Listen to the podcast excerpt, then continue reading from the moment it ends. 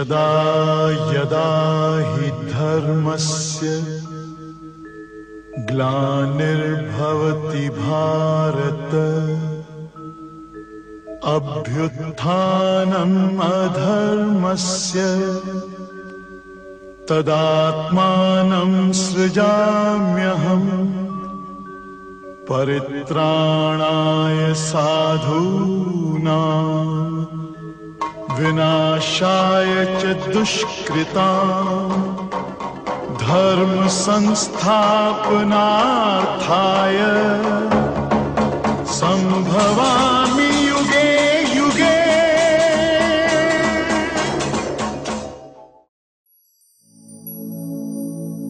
Om Swastiastu Sobat Hindu Times dimanapun Anda semua berada, salam damai sejahtera Berjumpa kembali bersama redaksi Hindu Times di podcast episode ke-9 Nah di musim pancaroba seperti ini sangat baik jika kita menjaga kesehatan dengan memperbanyak makan sayuran dan buah-buahan. Sangat baik juga kalau ditambah dengan vitamin agar daya tahan tubuh kita tetap terjaga.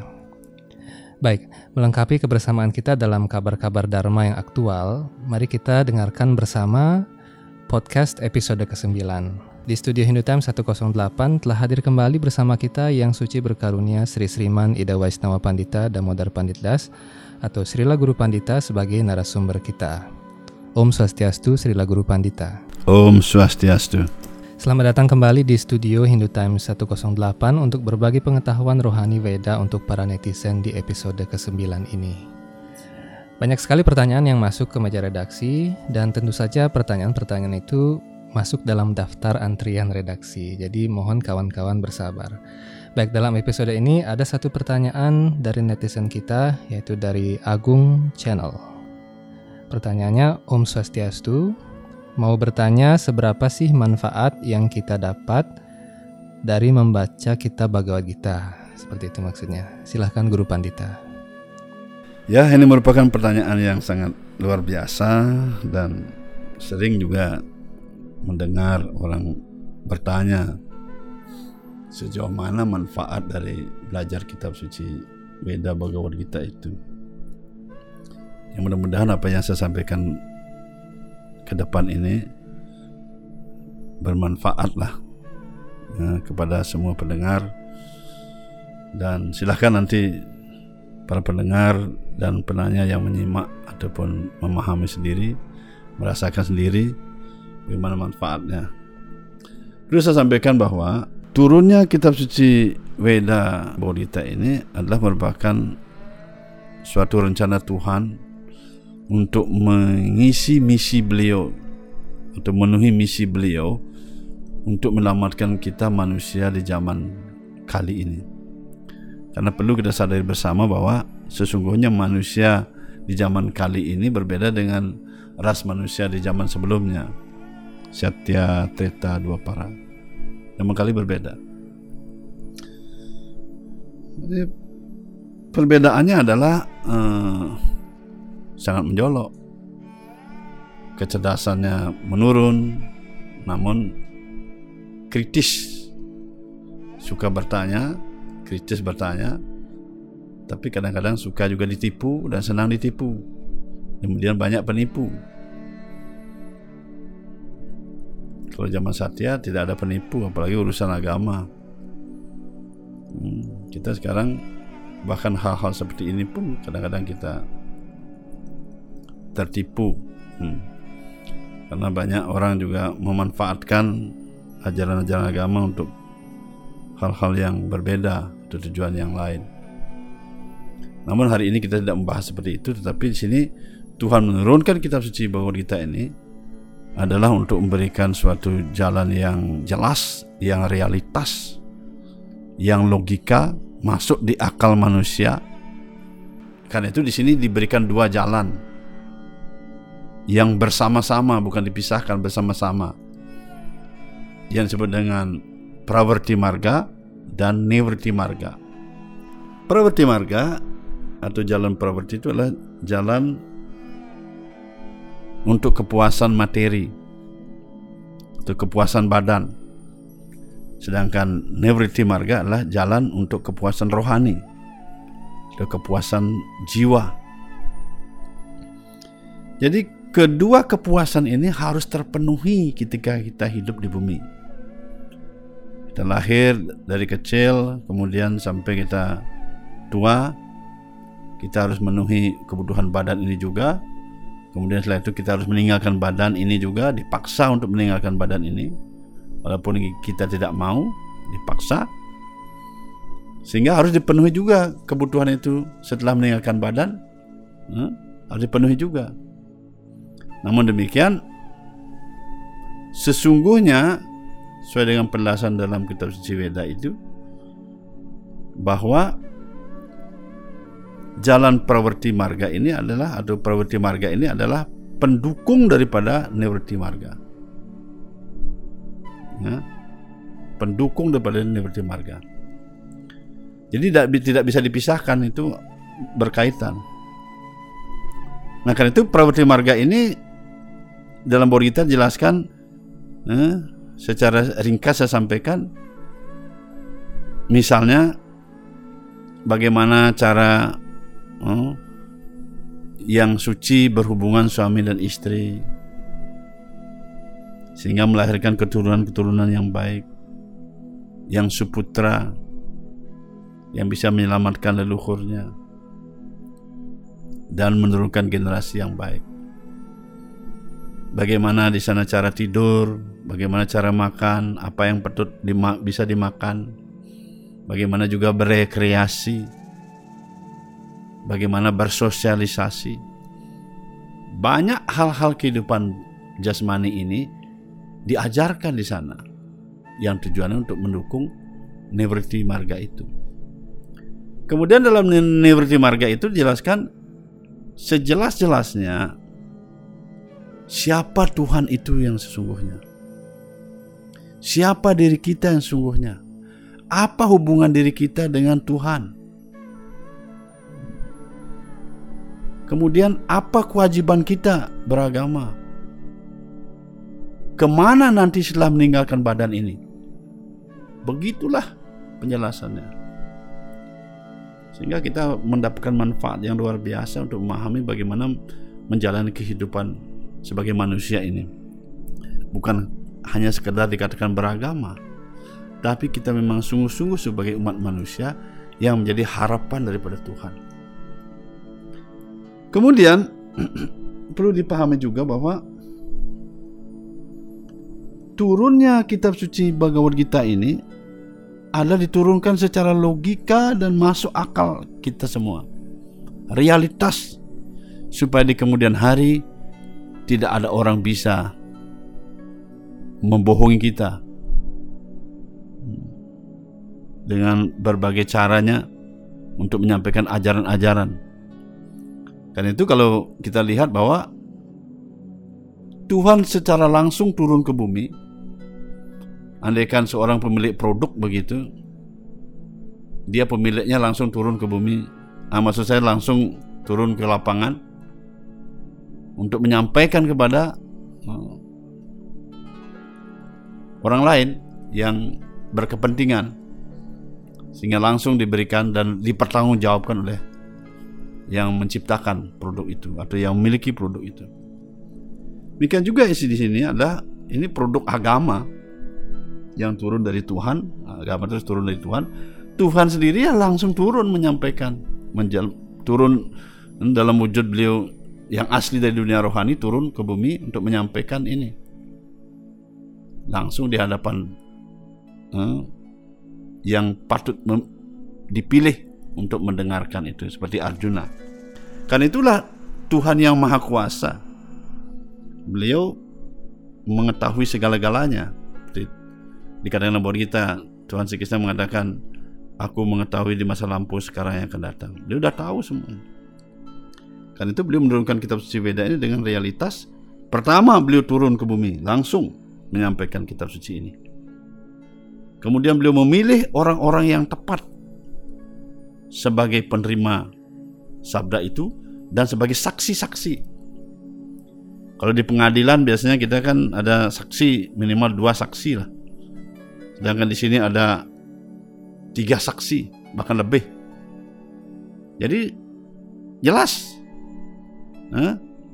Pertama kita lihat Arjuna sebagai saksi pertama yang mendengar sabda itu.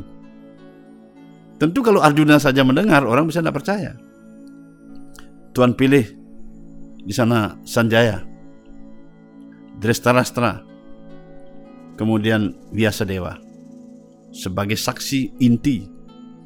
Saksi tambahan ada Bisma Dewa, ada para dewa di langit katanya begitu, atau semua yang hadir pada saat di medan perang Kurusetra.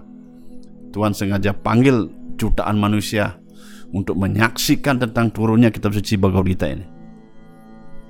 Bukan bersembunyi-sembunyi. Jadi karena itu di, setelah kitab suci ini yang disabdakan oleh Tuhan Sekisna tidak ada suara-suara dari langit lagi yang ditulis dalam kitab suci Veda. Ini realitas. Tuhan memilih orang-orang tidak sembarangan juga. Misalnya seperti Arjuna. Arjuna adalah hmm, putra Dewa Indra, Raja Surga.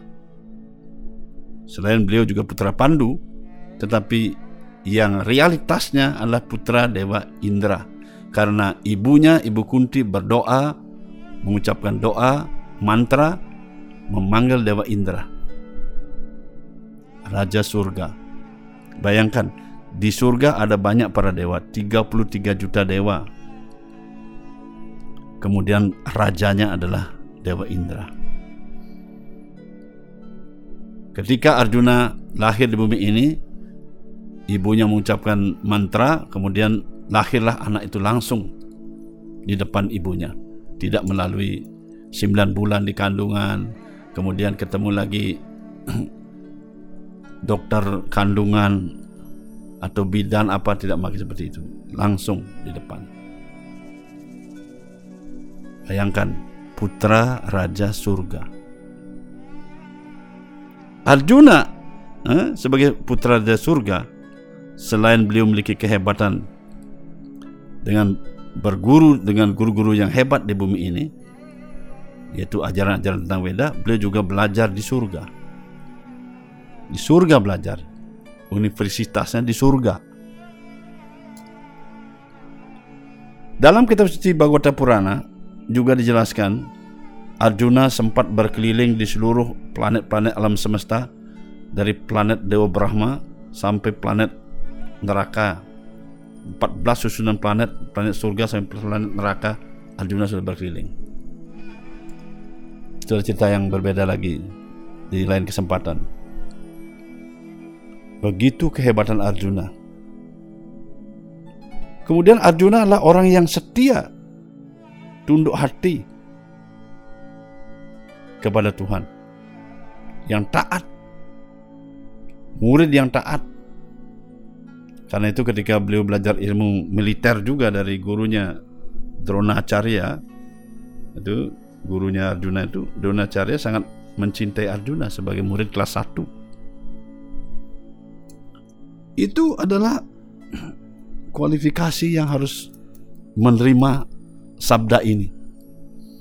Sebagai tiga saksi yang lain biasa dewa dikatakan beliau adalah Saktia Wesa Avatar dari ada enam kelompok awatara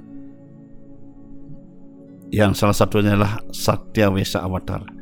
Satya Wesa Avatar itu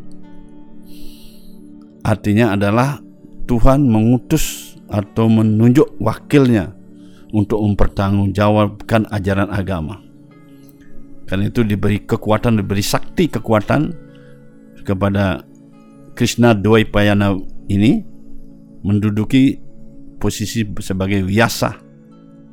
Biasa artinya yang bertanggung jawab terhadap ajaran kitab suci Veda. Karena itu beliau hmm, bertanggung jawab untuk mengumpulkan dan menulis seluruh kitab suci Veda. Dia mengetahui dengan trikalagiana beliau masa lampau sekarang yang akan datang. Itu kekuatannya. Kemudian Sanjaya. Sanjaya ini adalah murid terbaik daripada salah satu murid terbaik daripada biasa dewa. istilah di universitas murid yang mendapat nilai cum laude. Kemudian karena itu diangkat sebagai sekretaris pribadi di kerajaan Hasnapur. Di Starasta sudah pasti adalah seorang raja besar Raja Hasnapur dan di Starasta adalah inkarnasi dari Dewa Kubera itu orang-orang yang ditugaskan untuk menerima ajaran ini. Kemudian Bismadewa adalah putra Ibu Gangga, belajarnya juga di surga, murid hebat dari inkarnasi Tuhan, awatara Tuhan yaitu Sri Parasuram. Semua orang tahu bagaimana kehebatan Bismadewa. Itulah saksi-saksi yang jelas yang mengetahui. Saksi utama ada tiga, tambahannya Bismadewa, kemudian ada lagi yang lain-lain. Pada satu yang melihat kejadian itu. Bahkan di sana dikatakan ketika orang-orang hadir pada saat itu, di mana sebelum perang dimulai, ajaran bahwa kita diturunkan. Semua orang yang hadir pada saat itu dari sem semua kelompok itu adalah orang-orang yang diselamatkan oleh Tuhan. Mereka yang hidup, mereka yang meninggal dunia, orang-orang yang diselamatkan. Orang-orang yang diberikan keselamatan oleh Tuhan karena bagaimana kita diturunkan pada saat itu. Karena itulah kita peringati perayaan kita Jayanti yaitu turunnya kitab suci Bawah kita. Barang siapa yang beruntung bisa ikut bersama-sama merayakan kita Jayanti. Itu adalah perayaan besar umat Hindu. Ini realitas daripada ajaran kitab suci Veda ini. Tentu setelah beliau menyampaikan ajaran ini, Tuhan pun tidak akan memaksakan pada kita memilih atau mau terima atau tidak. Kan itu saya bisa mengutip dari beberapa kitab suci Bhagavata ini hmm, tentang penjelasan beliau di mana kitab suci ini memberikan kedamaian, memberikan tempat tinggal yang tertinggi dan kekal. Kemudian dikatakan yang paling rahasia itu dalam bab 18 ayat 62 63 64 dijelaskan situ. Selanjutnya ada juga penjelasan yang lain bahwa kalau kita lihat dalam bawah kita bab 9 itu dikatakan bahwa sabda beliau adalah merupakan pengetahuan yang paling rahasia dan merupakan keinsafan diri untuk mencapai keinsafan diri bahwa dengan mengetahui ajaran ini seorang akan dibebaskan dari penderitaan material Secara umum semua orang ingin bebas dari penderitaan material itu. Karena itu dikatakan juga di sini, ajaran ini merupakan raja pendidikan. Semua orang ingin mendapat pendidikan yang layak. Ini adalah rajanya. Yang paling rahasia di antara yang rahasia, ajaran ini kekal dan pasti akan memberikan kelegaan.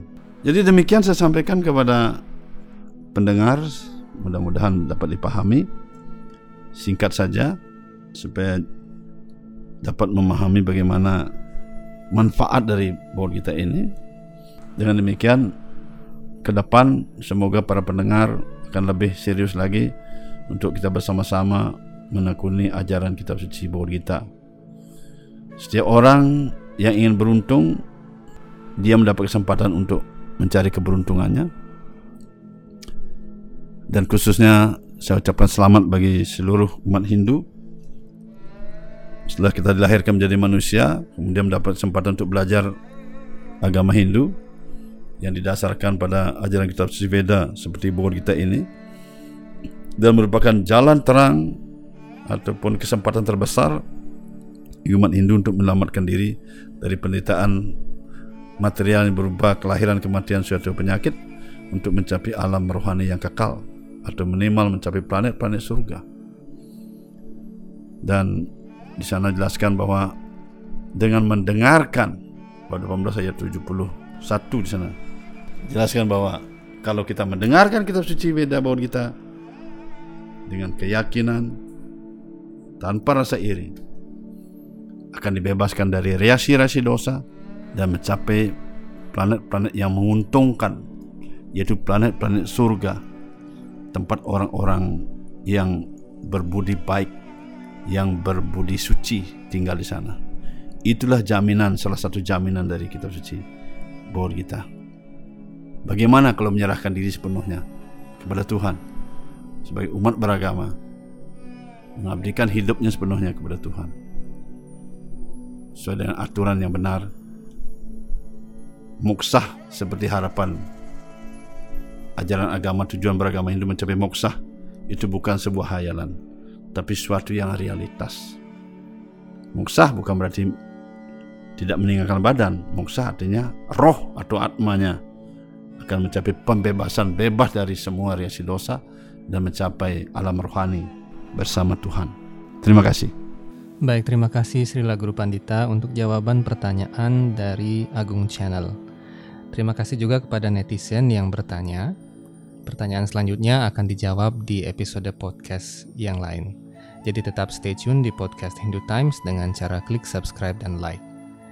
Terima kasih Srila Guru Pandita atas sharing pengetahuan rohani yang semakin menyadarkan kita sebagai umat Hindu dan umat manusia secara umum. Sampai jumpa di episode podcast selanjutnya. Om Santi Santi Santi Om.